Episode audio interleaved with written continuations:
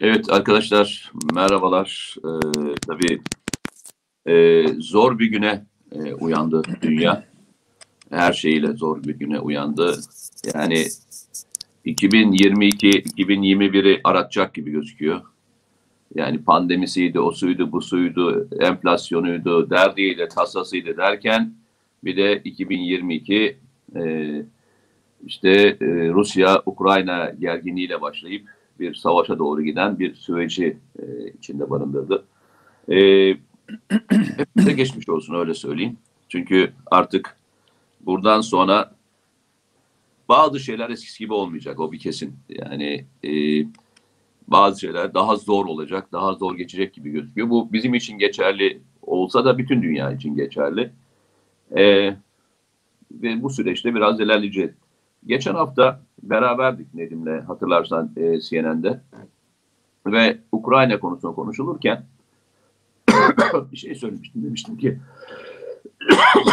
yani bu sürecin içerisinde hani ne olacak, ne e, gidiyor, ne yapılıyor tartışması vardı.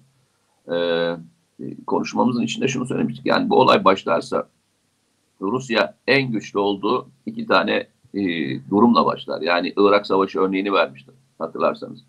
Önce savaş uçaklarıyla ve arkasından füzelerle e, Ukrayna'nın aynı Irak'ta olduğu gibi savunma gücünü zayıflatacak olan tesisleri vurur demiştim. Yani bir iş, eğer bir işgal başlayacaksa yani şeye başlamazlar. Gidip de Kiev'i işgal etmezler. Diğerlerini işgal etmezler.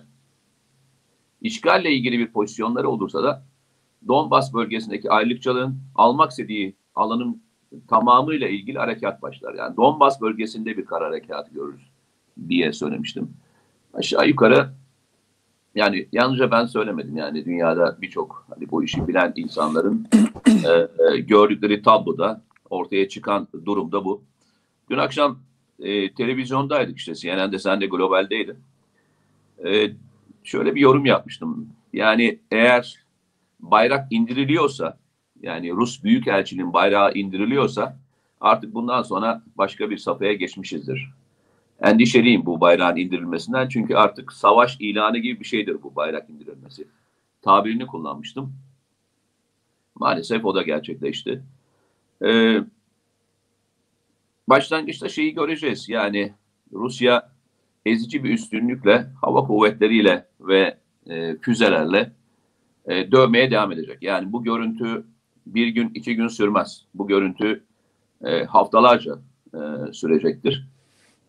Ve e, çatışmaların kara e, safhasındaki e, bölümlerde de e, bölümlerde de bu işler devam edecek.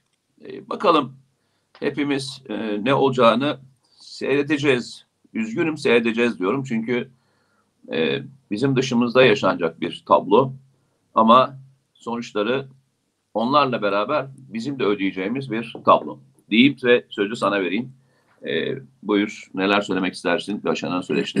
Ya şimdi tabii sabah erken saatlerde e, gelen haberler e, Rusya'nın e, savaşı başlattığı ve işte Kiev dahil hatta Kiev'den görüntüler e, olduğu söylenen bazı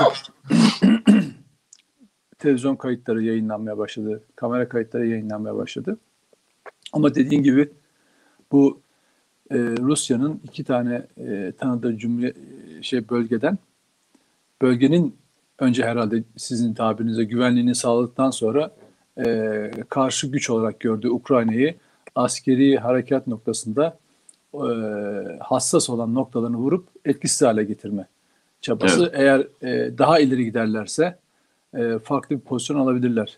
Şimdi baştan beri çizilen, ben dün de yazmıştım, e, Batı medyası ve istihbarat kuruluşları sürekli felaket senaryoları, yani tabii bu da şu anda yaşanan da bir felaket, insanlık trajedisi, çalışan her türlü, nihayetinde hayatını kaybeden insanlar var. Ama o ee, Ukrayna'nın dört bir tarafından Rus askerlerinin e, 175 bin askerin girip Kiev dahil hemen 48 saat içinde işgal edip ele geçireceği falan gibi bir şey e, durumuyla durumu yok. Ama bunların hepsinin daha öncesinden, yıllar öncesinden başladığı gibi bir kışkırtma yani Ukrayna'yı Rusya'ya saldırtıp Rusya'yı e, savaşa sebep olan bir e, yapı olarak gösterip ardından işte Batı güçlerini devreye sokup ya da kullanabildiği başka hangi güç varsa sokup Rusya'yı bir çatışmanın içine çekmek herhalde stratejisi vardı. Ama Rusya çok serin kanlı ve çok enteresan gidiyor. Yani e, gözümüzün önünde aslında ne yapacağını söylüyor ama bu çok ilginç bir şey var Mete. Dünya inanmıyor buna. Sadece böyle bir e, nasıl söyleyeyim film karakteri yani şöyle e, işte ba, e, neydi e, Putin bir eski istihbaratçı işte soğuk duruşlu böyle serin kanlı şöyle sert böyle sert böyle filmlerden çıkan bir istihbaratçı karakteri üzerinden ilerliyor. Oysa karşı taraftan anlam anlaşılmak istenmeyen bir strateji uyguladıkları çok belli. Yani biz mesela şeye bakıyorum ben e, Peskov olsun, Dışişleri Bakanlığı Sözcüsü, Hükümet Sözcüsü ya da Lavrov olsun e, Dışişleri Bakanı. Mesela Batı kaynaklı verilen her açıklamaya veya iddiaya çok müstehsi şeyler, karşılıklar veriyor. Espriyle karşılıklar veriyorlar. Mesela Zaharova'nın bir lafı vardı. Ya şu işgal planımızın ne zaman olduğunu söyleseler de tatilimizi o zaman yapsak falan. İşte çıksak falan diyor mesela. Şimdi ama öbür taraftan Putin'in konuşması içinden birkaç başlık alınıp işte bu Sovyetleri geri getirmek istiyor. Yok şöyle yapmak istiyor. Yani o insanların ben o gece hani biz de bir televizyon programındaydık. Can kulağıyla dinlemesini pek çok isterdim. Ben çünkü onun şimdi kaydını aldım. Onu ben oturup tekrar tekrar izliyorum mesela. Tamam Ne dedi bu adam? Ne, ne kafasında ne var? Onu anlamadan Yok efendim bu adam e, Türkler e, Rusya şeye e, Türkleri Türklere karşı Ukrayna'yı zamanında korumuşlar.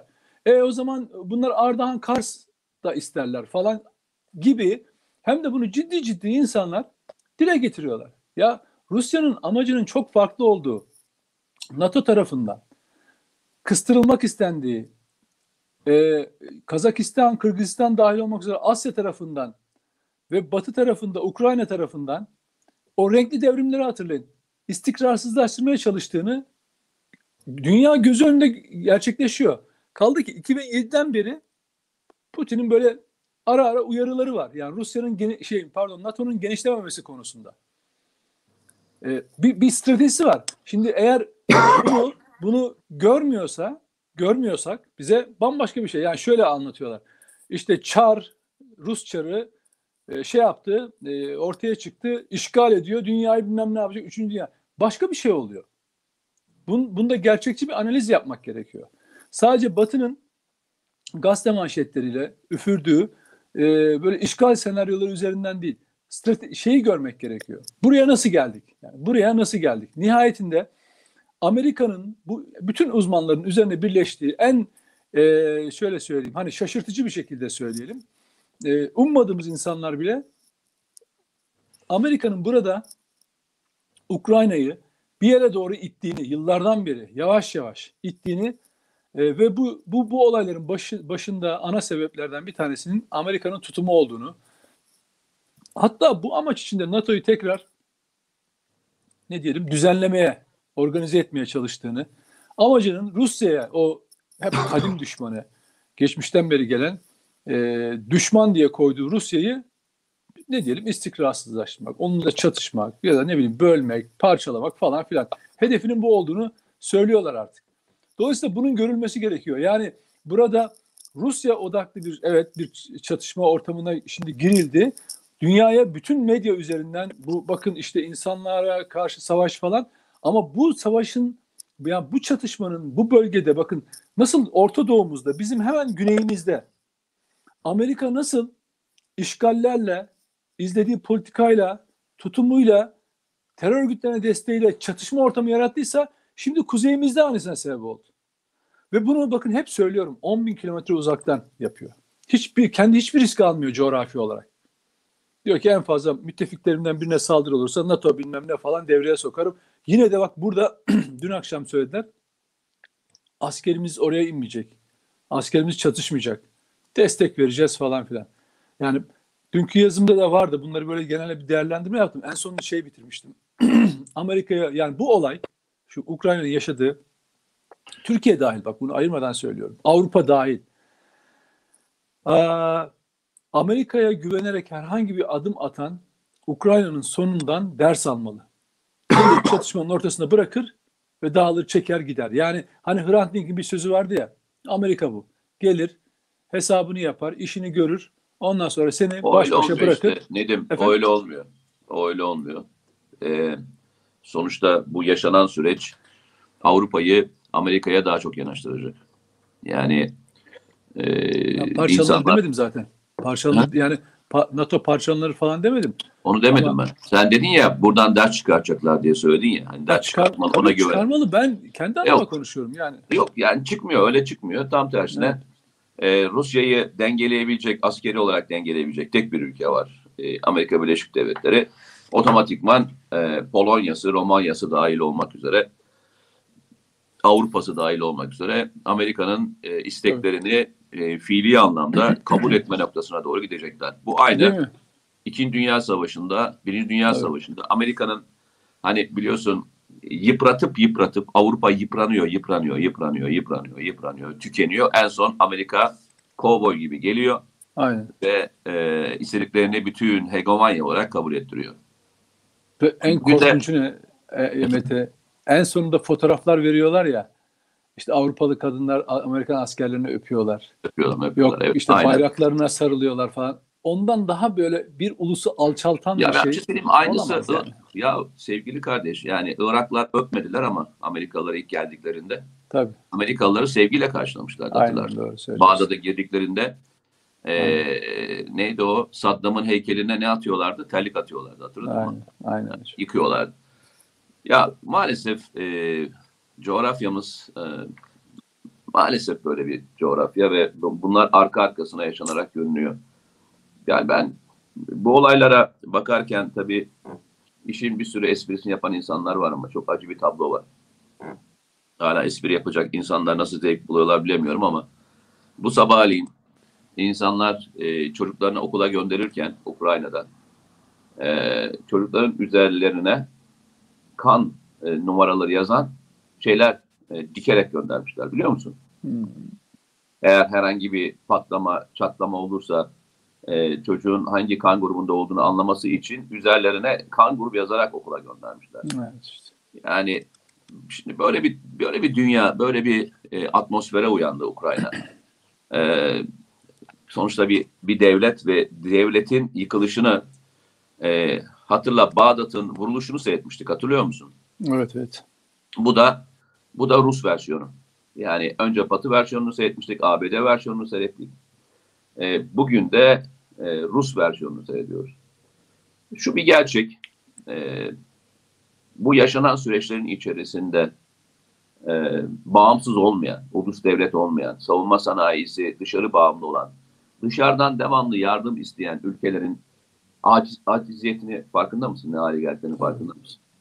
Yani bu o kadar hani ibretlik bir durum ki hani Ukrayna'nın durumunu anlıyoruz, çok üzülüyoruz gerçekten. Ee, yani, yani savaş çok acı bir şey.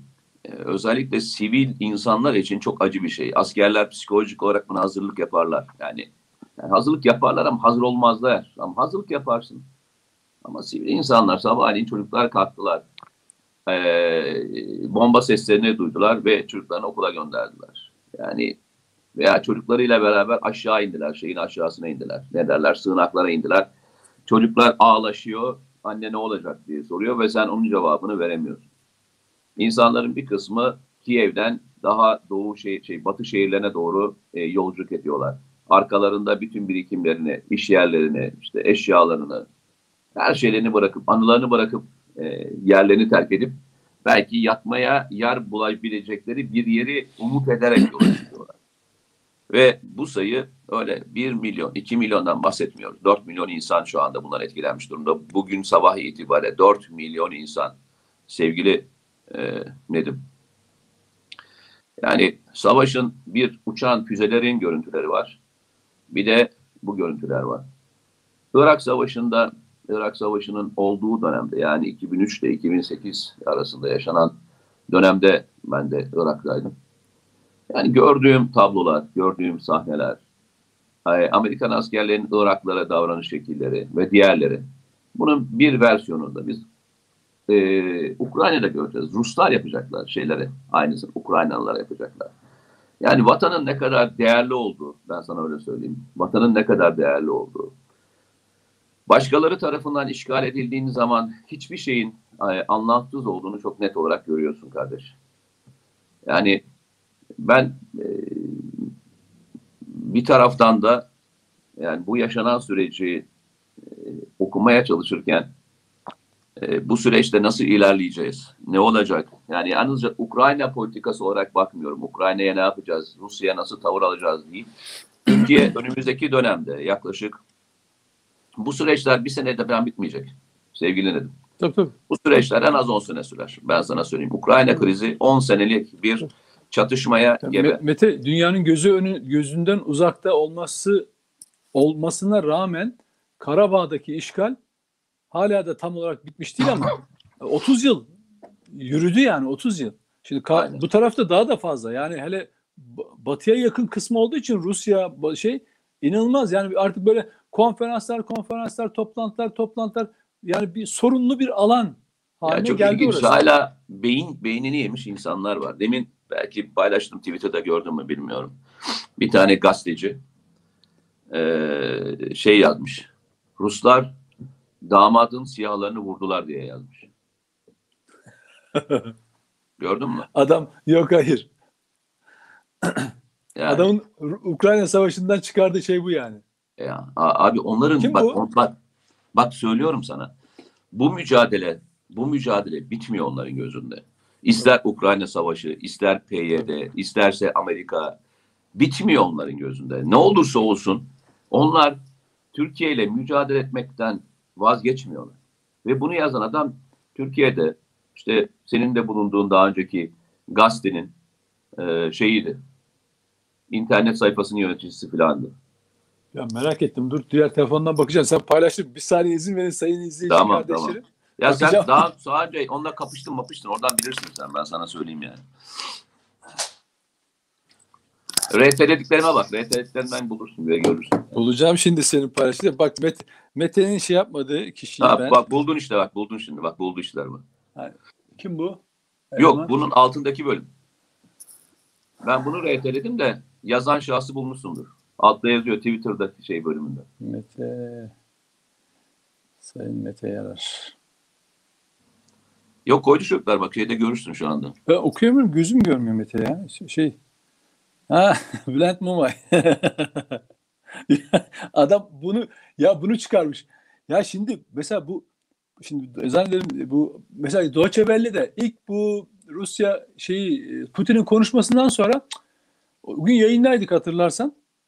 Baktım Deutsche Türkiye en çok e, buğday ithalatını işte Rusya'dan yapıyor. Şunun Ukrayna'dan bunu yapıyor. İşte Türkiye'de ekmek fiyatları şu kadar olur bilmem fır, fır. Şimdi, birkaç günden beri onu konuşuyor biliyor musun Türkiye'de insanlar. Çünkü muhalef, muhalefete argüman üretiyorlar. Ya Türkiye'nin- ilginç tarafı bir şey mi? ürettiği, ürettiği buğdayın yarısını ekmek için kullanıyor. Bir yarısı makarna ve diğer ürünler için. Daha fazla ihracat için de ithalat yapıyor. Yani Türkiye hani ekmeksiz kalacak diye bir durum yok. Ama Hayır ben Abi- bak yanlış bak yanlış bir bilgi. Dün akşam e, televizyondaydık orada Murat Gezici de aynı şeyi söyledi. Türkiye makarna makarnada dünyada ikinci büyük üretici. Buğday şeyde de unda da birinci dünyadaki birinci üretici. Ve e, bunu alıyor, işliyor ve satıyor. Türkiye kendi buğdayını üretiyor zaten kardeşim. Kendi buğdayla ilgili yani yarın sabahleyin Ukrayna'dan buğday almayınca biz buğdaysız tabii tabii onu kal- söylüyorum. yani ekmeksiz kalmayacağız. Un Aynen satamazsın. aynen. Ha, yani- Ya ama E, veya makarna satamazsın. tabii tabii yani şey Ama haber öyle değil mi? Ya, haber aynen öyle ya değil mi? şöyle. Şimdi 20 Haber milyon mi? ton üretiyorsun ya abi. Bunun 10 milyon ton civarı bakıyorsun ekmek üretiminin toplamı bu kadar civarında. Geri kalan 10 milyon yine makarna ve diğer e, ürünler için tüketilebiliyor. Ya bak yetiyor fazlasıyla. Yine ihracat yaptığın için bir 10 milyon ton daha alıyorsun yurt dışından. Tam Ru- Rusya ve şey olmak üzere. Kaldı ki eğer bir sektör, bir sanayi ayakta kalacaksa ya ka- kalıyor. Rusya'dan, Ukrayna'dan alamadın değil mi abi? Gidersin atıyorum. Nerede üretiliyor bu? İşte Venezuela'da mı? Yok, yani işte dünya, yok Meksika'da dünyada en mı? fazla üreten Tabii, ülkeler çünkü ithal- Hindistan, Parasını Çin. verip almıyor musun abi bu ürünü? Alıyorsun yani alırsın. Ama adamların derdi o değil. Ya Deutsche Welle'nin bak Deutsche Welle diye özellikle söylüyorum. Arkadaşlar orada şey yapıyor galiba. Falan. İkamet ediyorlar. İkamet ediyorlar. Öyle mi? Ha onu o kısmını bilmiyorum da çalışıyor mu onu bilmiyorum. Ama haberler şöyle. Türkiye ekmeksiz kalacak falan. Bir de çok ilginç bir şey yapıyorlar bak algı operasyonu. Asıl yaratmak istediği algıyı tırnak içinde e, uzmanlar diyor ki diyerek yazıyor. Bak mesela Türkiye Rusya'dan buğday ithal ediyor falan işte bu sıkıntı bir şey yapar e, e, süreci aksatır yaz, yazıyor ya. Altına da Türkiye'de ekmek 25 bin lira 25 lira olur mu? Ya da 5 lira olur mu falan. A- uzmanlar diyor ki hangi uzmanlar ya? Bakıyorsun haberin içinde öyle bir isim yok. Ama uzmanlar var. Tamamen algı şey yani. Burada da şimdi mesela Ukrayna çatışma Mesela şey şeyi- yazıyor mudur? Ee, Medvedev şey demişti. 2000 Euro'dan alacaksınız demişti. Ee, diyorlar mı mesela Gazı. enerji fiyatları Almanya'da tavan yapacak. Enflasyon Tabii, tabii. %30 çıkacak diye yazmışlar mesela. Çok doğru söylüyorsun. Yani Yazmışlar insanlar mesela. yaza abi oralar oralarda öyle şey Aa, olmaz aa, kardeşim gerçekten biliyorsun. yazmamışlar mı? Aa, Olmaz, olmaz tabii. aa olmaz. gerçekten mi söylüyorsun? Tamam. Ek- yani mevzu bizim e, ekmek mevzusu muymuş? evet, biz- Yani evet. Ukrayna mevzusundan birisinin bulduğu damatların siyasi, öbürü de ekmek mevzusu mu? Aynen kardeşim. Aynen Vay. böyle. yani. Ya Vay. o yüzden sen güvenlik uzmanıyım falan filan diye konuşup duruyorsun kardeşim. Demiyorsun ki ya ne oldu bu damadın sihaları falan demiyorsun Mete. Bak nerede strateji abi? Hani güvenlik? Nasıl konuşuyorsun sen böyle? O Nasıl tabii ne- zıplıyorsun? Nasıl Ha, zıplıyorsun? ne diyorsun oluyor ya. böyle? Nasıl zıplıyorsun? Ben Vay. şimdi mesela ulan nasıl akıl edemedim? Ekmek 75 lira olur falan desem var ya. Aa, var ya inanılmaz bir muhalif olarak işte bak görüyor musun falan filan. Ya, Deutsche Welle muhalifi olacaksın tamam mı? Alman muhalifi olacaksın Türkiye'de. Ya ulan bu nedir ya? Bunun neresi gazetecilik? Neresi uzmanlık? Algı yaratıyorsunuz. Algı operasyonu yapıyorsunuz. Çatışmada bile Allah muhafaza Mete. Bak şöyle söyleyeyim. Türkiye herhangi bir mesela olmadığı halde Türkiye sınır ötesi operasyonda haklı mücadelesini verirken bile bu adamlar, bu tipler Türkiye'ye kimyasal silah kullandığı iftirası atmadılar mı abi? Şehitlerimiz e, bir tanesi bile fazlayken oturup onu 300'de 400'de çarpmadılar mı bu adamlar? Ya Her ben en çok üzüldüğüm şey ne biliyor musun Nedim? Ee, yani iki tane ülke savaşıyor.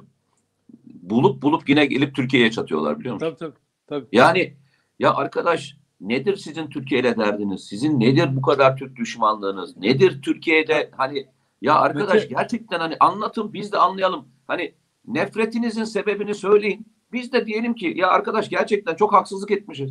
Özür dileriz Patron- falan dedim. Yani patronlara, ya arkadaş bu kadar nasıl bu kadar nefret edebilirsin bir vatanından ya? Şöyle o nefret mi onu tam bilmiyorum ama şöyle düşünüyorum. Bir patronları adına onları yemleyen, fonlayan var ya e, yemleme gazetecilik yapıyorlar ya bunlar. Böyle fonlama gazetecilik yapıyorlar. Onlar adına konuşuyorlar. Onların mesela bak şöyle ben o kanallardan birinde çalışan ünlü bir gazeteciyle ayaküstü ko- konuştuğumda nasıl işleriniz falan diye e, sorduğumda haber başına telif ödüyorlarmış tamam mı hocam? Ama hangi haberlerin gireceğine tabii editorial mekanizmalar karar veriyor. Şimdi sen ne yaparsın bu durumda? Oradan para almak için birkaç yüz euro alacaksın değil mi abi? Onların beğeneceği haberleri verirsen yayınlanıyor. Yayınlandığı zaman da telif alıyorsun. Bak o zaman ne yapıyorsun abi? Onların esiri haline geliyorsun 3-5 euro için. Bunlar işte yemlenen, fonlanan gazeteciler. Rapor satmak böyle- suç değildir. Aynen. Seni, Haber mani- seni teessüfle karşılıyorum. Algı Rapor operasyonu da suç suç değil. değil. Aynen. Ha? Algı. Bak şimdi mesela tutuştular tamam mı? Türkiye'de sosyal medya yasası çıkacak ya. Haber üstüne haber. Amerika'nın sesi, Deutsche Welle, BBC Türkçe. İşte diyor ki Türkiye efendim e, şey bu başvuru istiyor. E ben gideyim e, şeyden Londra'nın göbeğinde Türk bilmem ne medyası diye bir site kurayım. Yağdırayım oraya da. Hem de İngiltere'ye yağdırayım. Ha bak şöyle. Hatta kraliçe- şöyle yapayım. Tabii, kraliçe aleyhine özgürlük. yazılar yazayım. İrlanda'ya Ee, özgürlük. Johnson, Johnson aslında Türk, Türk kökenlidir, casustur falan bir şeyler. Mesela dezenformasyon yapayım, yalan yazayım. Bakalım kaç gün yayınlatıyorlar. Veya orada yapabiliyor musun kayıt olmadan orada? Ama burada burası onlara göre şey alışmışlar abi. Hani böyle Türkiye'yi böyle çiftlik gibi kullanmaya yıllarca alışmışlar. Şimdi bir kayıt sistemine bile itiraz ediyorlar. Dezenformasyon diyorsun, dezenformasyon. Ya çıkıyor komisyon yetkilileri, ya- yasayı hazırlayanlar. Amerika'da, Fransa'da ne varsa o kadarını istiyoruz diyorlar. Bir dakika çok muğlak. Bunu yapan Alman Alman medyası ha. Almanya'nın paralı medyası Türkiye'de yapıyor. Dezenformasyon kavramı çok muğlak falan. Yo Almanya'da yasasındaki ne kadar varsa bu kadar alacağız. Hayır orada olabilir. Hatta bu işlerde Rusya meselesinde de bir Rus internet sitesini kapatıp göndermişlerdi ülkelerine. Onlar da karşı hamle yaptılar. Mesela onlarda yapamazsın böyle bir şeyi. Onlarda mesela işte MHP'nin ülke ocakları terör örgütü, silahlı terör örgütü. Ya işte şüphe var, zan var. Tamam kapatabilirsin, müdahale edersin. Bilmem ne ocakları, aa onlar terörist iktidara yakın kampanya. Yok bunlar MIT'le çalışıyorlar falan. Her şeyi yapabilirsin. Ama Türkiye'de Ya, abi ilginç bir süreç yaşıyoruz. Türkiye'de Dün- ne oluyor Mete? Doğrudan kod adla yabancı istihbaratçılara rapor veriyorsun. Ama aynı kanalların elemanları ne yazıyor Meteciğim? Sen söyle.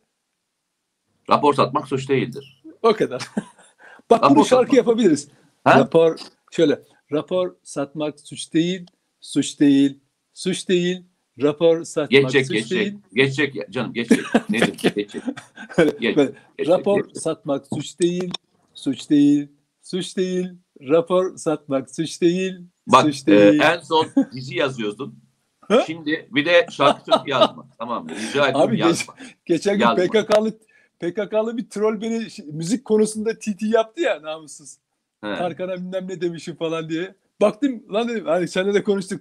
Hangi bestenle TT oldun dedim diye. Dalga geçtin ya ben.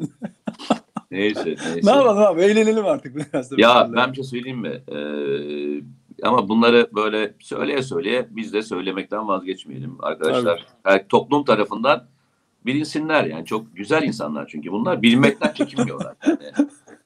Mete Ha. böyle şey var ya hani Ne? böyle ye- şey yaramazı böyle alırsın böyle yanaklarını askerde falan yapıp bir komutan vardı böyle. Değil mi lan değil mi lan değil mi lan. Şimdi sen şimdi öyle.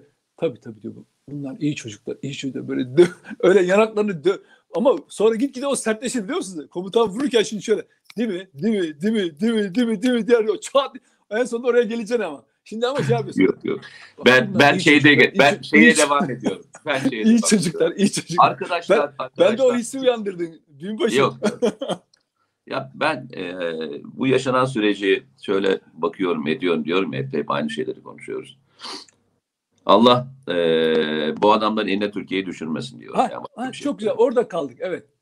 Yani ben onu diyecektim. Ya Yani bu Türkiye bir arkadaşların eline içinde düşürmesin. Eğer düşersek Evet. yani tabii. E, vallaha e, ne yapacaklarını ben tahmin edemiyorum yani. Meteciğim Gerçekten yani gerçekten bak var ya FETÖ'cü, FETÖ'cülerden öyle bir el almışlar ki bunlar. Bak öyle bir algı operasyonu el almışlar ki iklim hazırlanmış istediği yalanı söyler var ya. Bunlar var ya bak sana yemin ediyorum o kendi içlerinde zamanında bunlar güçlü adamlardı. Bunlar sistemin içinde ağa babalarıydı ya. Uçaklardalardı, her yerdelerdi tamam mı? Şimdi dışına çıkmışlar ya. O yüzden gitmişler yabancılara sığınmışlar. Algı yapıyorlar.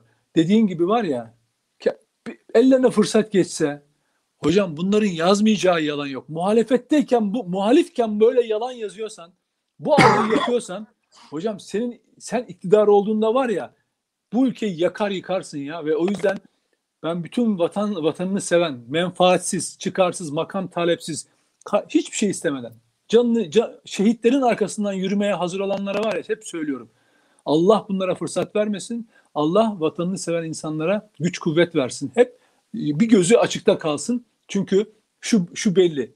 Bunlar ilk fırsatta NATO'cusun bilmem ne oraya ülkesini satmaya hazır yemleme gazetecilik yapıyorlar. Yem fonlama gazetecilik yapıyorlar kardeşim. Aklınız, imanınız durur. Bunların hasbel kader böyle bir güç eline geçtiğinde yapacak. Muhalifken yabancıların parasıyla, bak yabancıların parasıyla, verdiği parayla, fonlarla, yemlemelerle bunu yapanlar var ya, yarın devletin kaynaklarını eline geçirdiği zaman var ya, yapacaklarından yani hani hayal bile edemiyorum. Ama ben biliyorum o günler asla olmaz ve bu millet onlara geçit vermez zaten yani. Evet arkadaşlar, e, şimdi e, baştan beri şeyi konuşmaya çalışıyoruz. Ukrayna krizini konuşmaya çalışıyoruz. Tabii e, Sayın Cumhurbaşkanı da e, bu konuyla ilgili e, uzmanları e, bir araya getirip toplantı yapacaktı bildiğim kadarıyla. Yani şu anda yapıyorlar mı bilmiyorum ama öyle bir toplantı için bir araya gelindi askeri yetkililer ve istihbarat yetkilileri dahil olmak üzere. Ee, yani bu sürecin içerisine tabii ki Türkiye her türlü sıçramayı e, göz önüne alıp, e, alıp tedbirler alacaktır. Bunun ekonomik tarafı var. Doğal gaz tarafı var.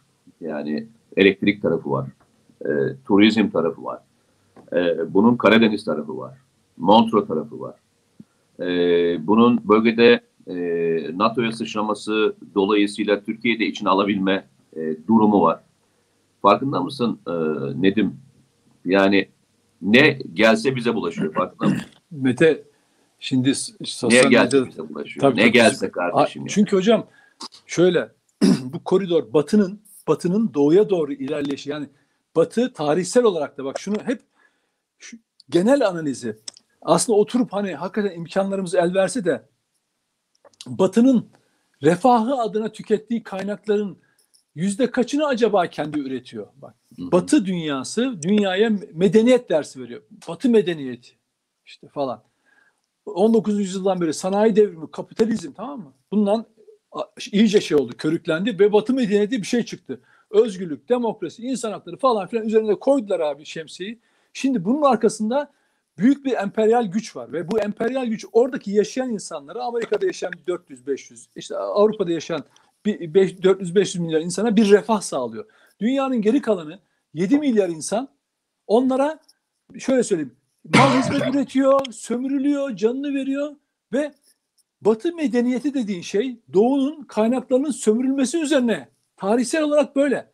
Şimdi bütün bu mücadele yani şimdi düşünün Almanya'dan hep doğuya bakılıyor. Ya senin mesela Avrupa ile şeyle Amerika ile İngiltere ile meselen yok mu? Yok. Onlar 2. Dünya Savaşı sonrası paylaşım savaşlarında işini hallettiler. Dediler ki biz birbirimizi yiyerek Birinci Dünya Savaşı'ndan sonra İkinci Dünya Savaşı biz birbirimizi olmaz. Biz biz din birliği var, kardeşliğimiz var, tarihsel bütünlüğümüz var. Biz beraber olacağız. Ne yapacağız? Doğuya doğru gideceğiz. Doğuya alacağız. İşte Orta Doğu'da yaşanan sıkıntılarımız bu ve bunun tam ortasında Türkiye var. Dediğin çok doğru. Ne olsa bizi buluyor. Ne olsa biliyor ve bulacak da. Şimdi o yüzden Türkiye bak hani şöyle yapıyor bazı insanlar Türkiye'de. Ya bir türlü Avrupa standartında olamadık. Bilmem ne yapamadık. Şudur falan demokrasi falan. Kardeşim bu coğrafyada bin yıl önce gelmişsin. Şimdi bu tarihsel perspektiften baktığın zaman var ya Türklerin şu coğrafyayı bin yıldan beri elinde tutabil, tutabiliyor olması inanılmaz bir mucize. Şuraya bak. Daha dün kurulan ülkeler ilk 20-30 yılda İçimizdeki bu adamlarla zaten büyük mucize. Efendim? İçimizdeki bu adamlarla Evet. daha büyük. Tabii aynen. Ve çevremizde kurmuş ülkeler patır patır dağılıyorlar. Kuru, işte aşağımızda güneyimizdeki ülkelere bakın. Şimdi kuzeyimizdeki ülkelere bakın. Kafkasya'ya bakın. Devlet gibi kuruluyorlar ama 20-30 yıl tamamladıktan sonra paramparça oluyorlar. Kendi işlerine tutunamıyorlar bile. Ama Türkiye öyle değil. Niye? Ulus bilincimiz. Bak bizim çok ciddi bir, özellikle Kurtuluş Savaşı'ndan sonra Mustafa Kemal Atatürk'le beraber bir ulus bilinci bize yerleşti. Bizim yine e, Müslümandık, yine şeydi ama o şöyle düşünün Kurtuluş Savaşı sırasında Müslüman coğrafyasında, Osmanlı coğrafyasında bu ülkenin insanları halifenin talimatlarının peşinden gitmedi. Mustafa Kemal ve arkadaşlarının peşinden gitti. Bak halife, İslam halifesi Vahdettin'di. Onun hatta fetvası vardı. Mustafa Kemal ve arkadaşları hakkında idam fetvası vardı. Ee, buna karşı mücadele edilmesi gerektiğini e, talimatları vardı.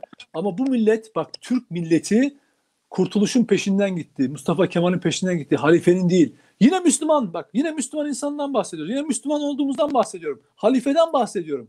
Bu millet öyle aptal değil. Bak bu millet hani kaç Yavuz Sultan Selim zamanından beri gelen halifelik kurumuna diyor ki sen değil diyor benim için kurtuluş Mustafa Kemal'in yolu değil. Tamam? O yüzden bizi kurtaran o oldu her zaman ulus bilinci. Şimdi biz 15 Temmuz'a kadar yaşadığımız sıkıntılarda bu çok örselendiği için hatta böyle düşünenler de yaftalandığı için tutuklandığı o kumpas kurulduğu için e, süreç şey oldu.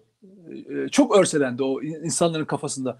Ama 15 Temmuz'dan sonra özellikle bu bu bilinç yerli milli diye açığa çıktı. Yerli milli te- telaffuzuyla e, toplumda karşılık buldu değil mi? Biz buna ulusal ulusalcılık falan filan dediğimiz yani bayrağını, vatanını, milletini, devletini seven, koruyan, korumaya çalışan, yani devletten almaktan çok devlete vermeye çalışan, milleti için canını vermeye çalışan bir bilinçten bahsediyorum. Ulus ulus bilinci benim Doğru. için budur. Başka bir siyasi anlamı falan yoktur. Ona gelince işte ona dönünce bak bugün ayakta dimdik duruyorsun. Bugün e, şimdi deminden e, bir e, şeyde okudum. İngiliz istihbarat raporuna göre Ukrayna'da askerler e, kitlesel olarak silah bırakıp mevzileri terk ediyorlarmış mesela. Çünkü niye? Büyük bir hava bombardımanı var. Uçağa karşı yapabileceği de bir şey yok. Mevzilerini terk ediyorlar falan. Ama işte bir Türk yapmıyor. Türk 15 Temmuz gecesi ya hocam hani ne yaptı şey terlik attı ya. Bak bu millet var ya o F-15'e kaçmak bir yana terlik attı ya. Bu dalga geçiyor değil mi insanlar? O işte bir cesaret. Dikine durdu. Ba- e, bombaya karşı F-16'nın bombasına karşı dikine durdu. Paramparça oldu vücudu. DNA'sı bile bulunmadı ama dikine durdu. F-16'ların düşman e, şey hainlerin bombalarına karşı. Ama onlar bırakıyorlar. İşte ulus bilinci, vatan sevgisi ve iman böyle bir şeydir. O yüzden onlar değil, o deminden bahsettiğimiz kötüler değil. Bu onlar akşam yani e, kazanacaklar. yani birazdan e, şeyden sonra dışarı çıkacağım. E, Çok, Mete bir şey söyleyebilir miyim? Ee, Şimdi sosyal medyada bu liberal tayfa falan var ya hocam bu PKK Öyle tayfa mı var? He? Fondaş olanlar mı? Fondaş olanlar, Amerika'nın beslemeleri, yem- yemlemeler, evet. Ha. Yemlemeler. Şimdi şey, Ukrayna'nın toprak bütünlüğüne çok saygılılar biliyor musun bu ara? Bak, mesela bir takım isimler bakıyorsun şimdi, e, Rusya'nın işgaline karşı Ukrayna'nın toprak bütünlüğünü savunuyorum. Ulan şerefsiz, ulan namussuz. Sen PKK'lılar gelip dibimizde hendek çukur kazdığın zaman ya işte özellik mi özellik diyorsun lan bu ülkede. Ve ahlaksız şerefsiz. Ukrayna'nın toprak bütünlüğü Rusya'ya karşı olmak adına Amerika'nın yanında olmak adına tamam öyle ol. Ama mesele Türkiye'ye gelince özellik deyince PKK'lar, HDP'liler onların yanında duruyorsun. PKK'ların dağına kadar gittin. Fotoğraflar çektirdin, arabuluculuk yaptın kendi kendine. Niye silah bırakıyorsun dedin. Adamlar onu yazıyorlar biliyor musun bugünlerde? Utanılacak bir şey ya. Utanılacak bir şey yani. Veya Suriye'nin yüzde otuzunu işgal ediyorsun. Tabii yani bak çok ilginç ama bak mesela Rusya'nın e, şey e, bölgelerde özelliği tanımasına, asker göndermesine itiraz ediyor Amerikan liberali. Diyor ki "Aa diyor biz diyor toprak bütünlüğüne taraftarız diyor. Ama gelip de Cizre'de, Nusaybin'de tamam mı? Sur'da özellik ilan ettiğinde ya demokratik talepleri falan filan diyor mesela. İşte barış akademisyenleri falan diyorlar tamam onlara falan. Ya da YPG PKK gelip de e, şey yaptığı zaman "E canım IŞİD'le komşu olacağımıza diyor. Mesela adam diyor işte biz diyor PKK ile komşu olalım. ya- Şey YPG ile komşu olsak falan filan diyor mesela. Ya kafalara bakıyor musun? O yüzden ey Türk, ey Türk milleti, ey sevgili izleyenler Allah aşkına gözünüzü açık tutun. Aklınızı açık tutun. Bunlar acayip yalancı, manipülatör adamlar. Biz buradayız kardeşlerim. Arkadaşlar kendinize iyi bakın. Lütfen e, bugünü e, okurken lütfen yalnızca Ukrayna'yı değil, Ukrayna'dan çıkartılacak olan dersler olarak da okumaya çalışın. E, bugün e, bir konferansa katılacağım, daha doğrusu bir sempozyuma katılacağım. Şehitlerle ilgili bir sempozyum bugün. Konuşmacılardan bir tanesi, efendim, Neredesin? şey, Bahçeşehir. Ha güzel. Ee, Erol Bolçak'ın kardeşi gelsin. E, kardeşi olacak. Ben olacağım. Ömer Halis Demir'i anlatacağım. Recep Yeter de Mustafa hatırlarsan 15 Temmuz'da e, bir boşnak kardeşimiz vardı hani. E, şehit olmuştu. O da onu anlatacak. Şafak. Evet. Arkadaşlar demin çok güzel bir örnek verdi e, sevgili Nedim. E, bugün ayakta duruyorsak o mevzileri terk etmeyenler sayesinde duruyoruz. O mevzisini terk etmeyen şehitler sayesinde duruyoruz. O e, bize bir şeylerin yaşanabilmesi için ortam hazırlayan insanlar sayesinde duruyoruz. Bugün biraz da hani böyle tam zamanına denk geldi. Tam böyle bir olayda bu ülkenin insanların ne kadar değerli olduğunu bir kez daha anlatabilme fırsatım olacak.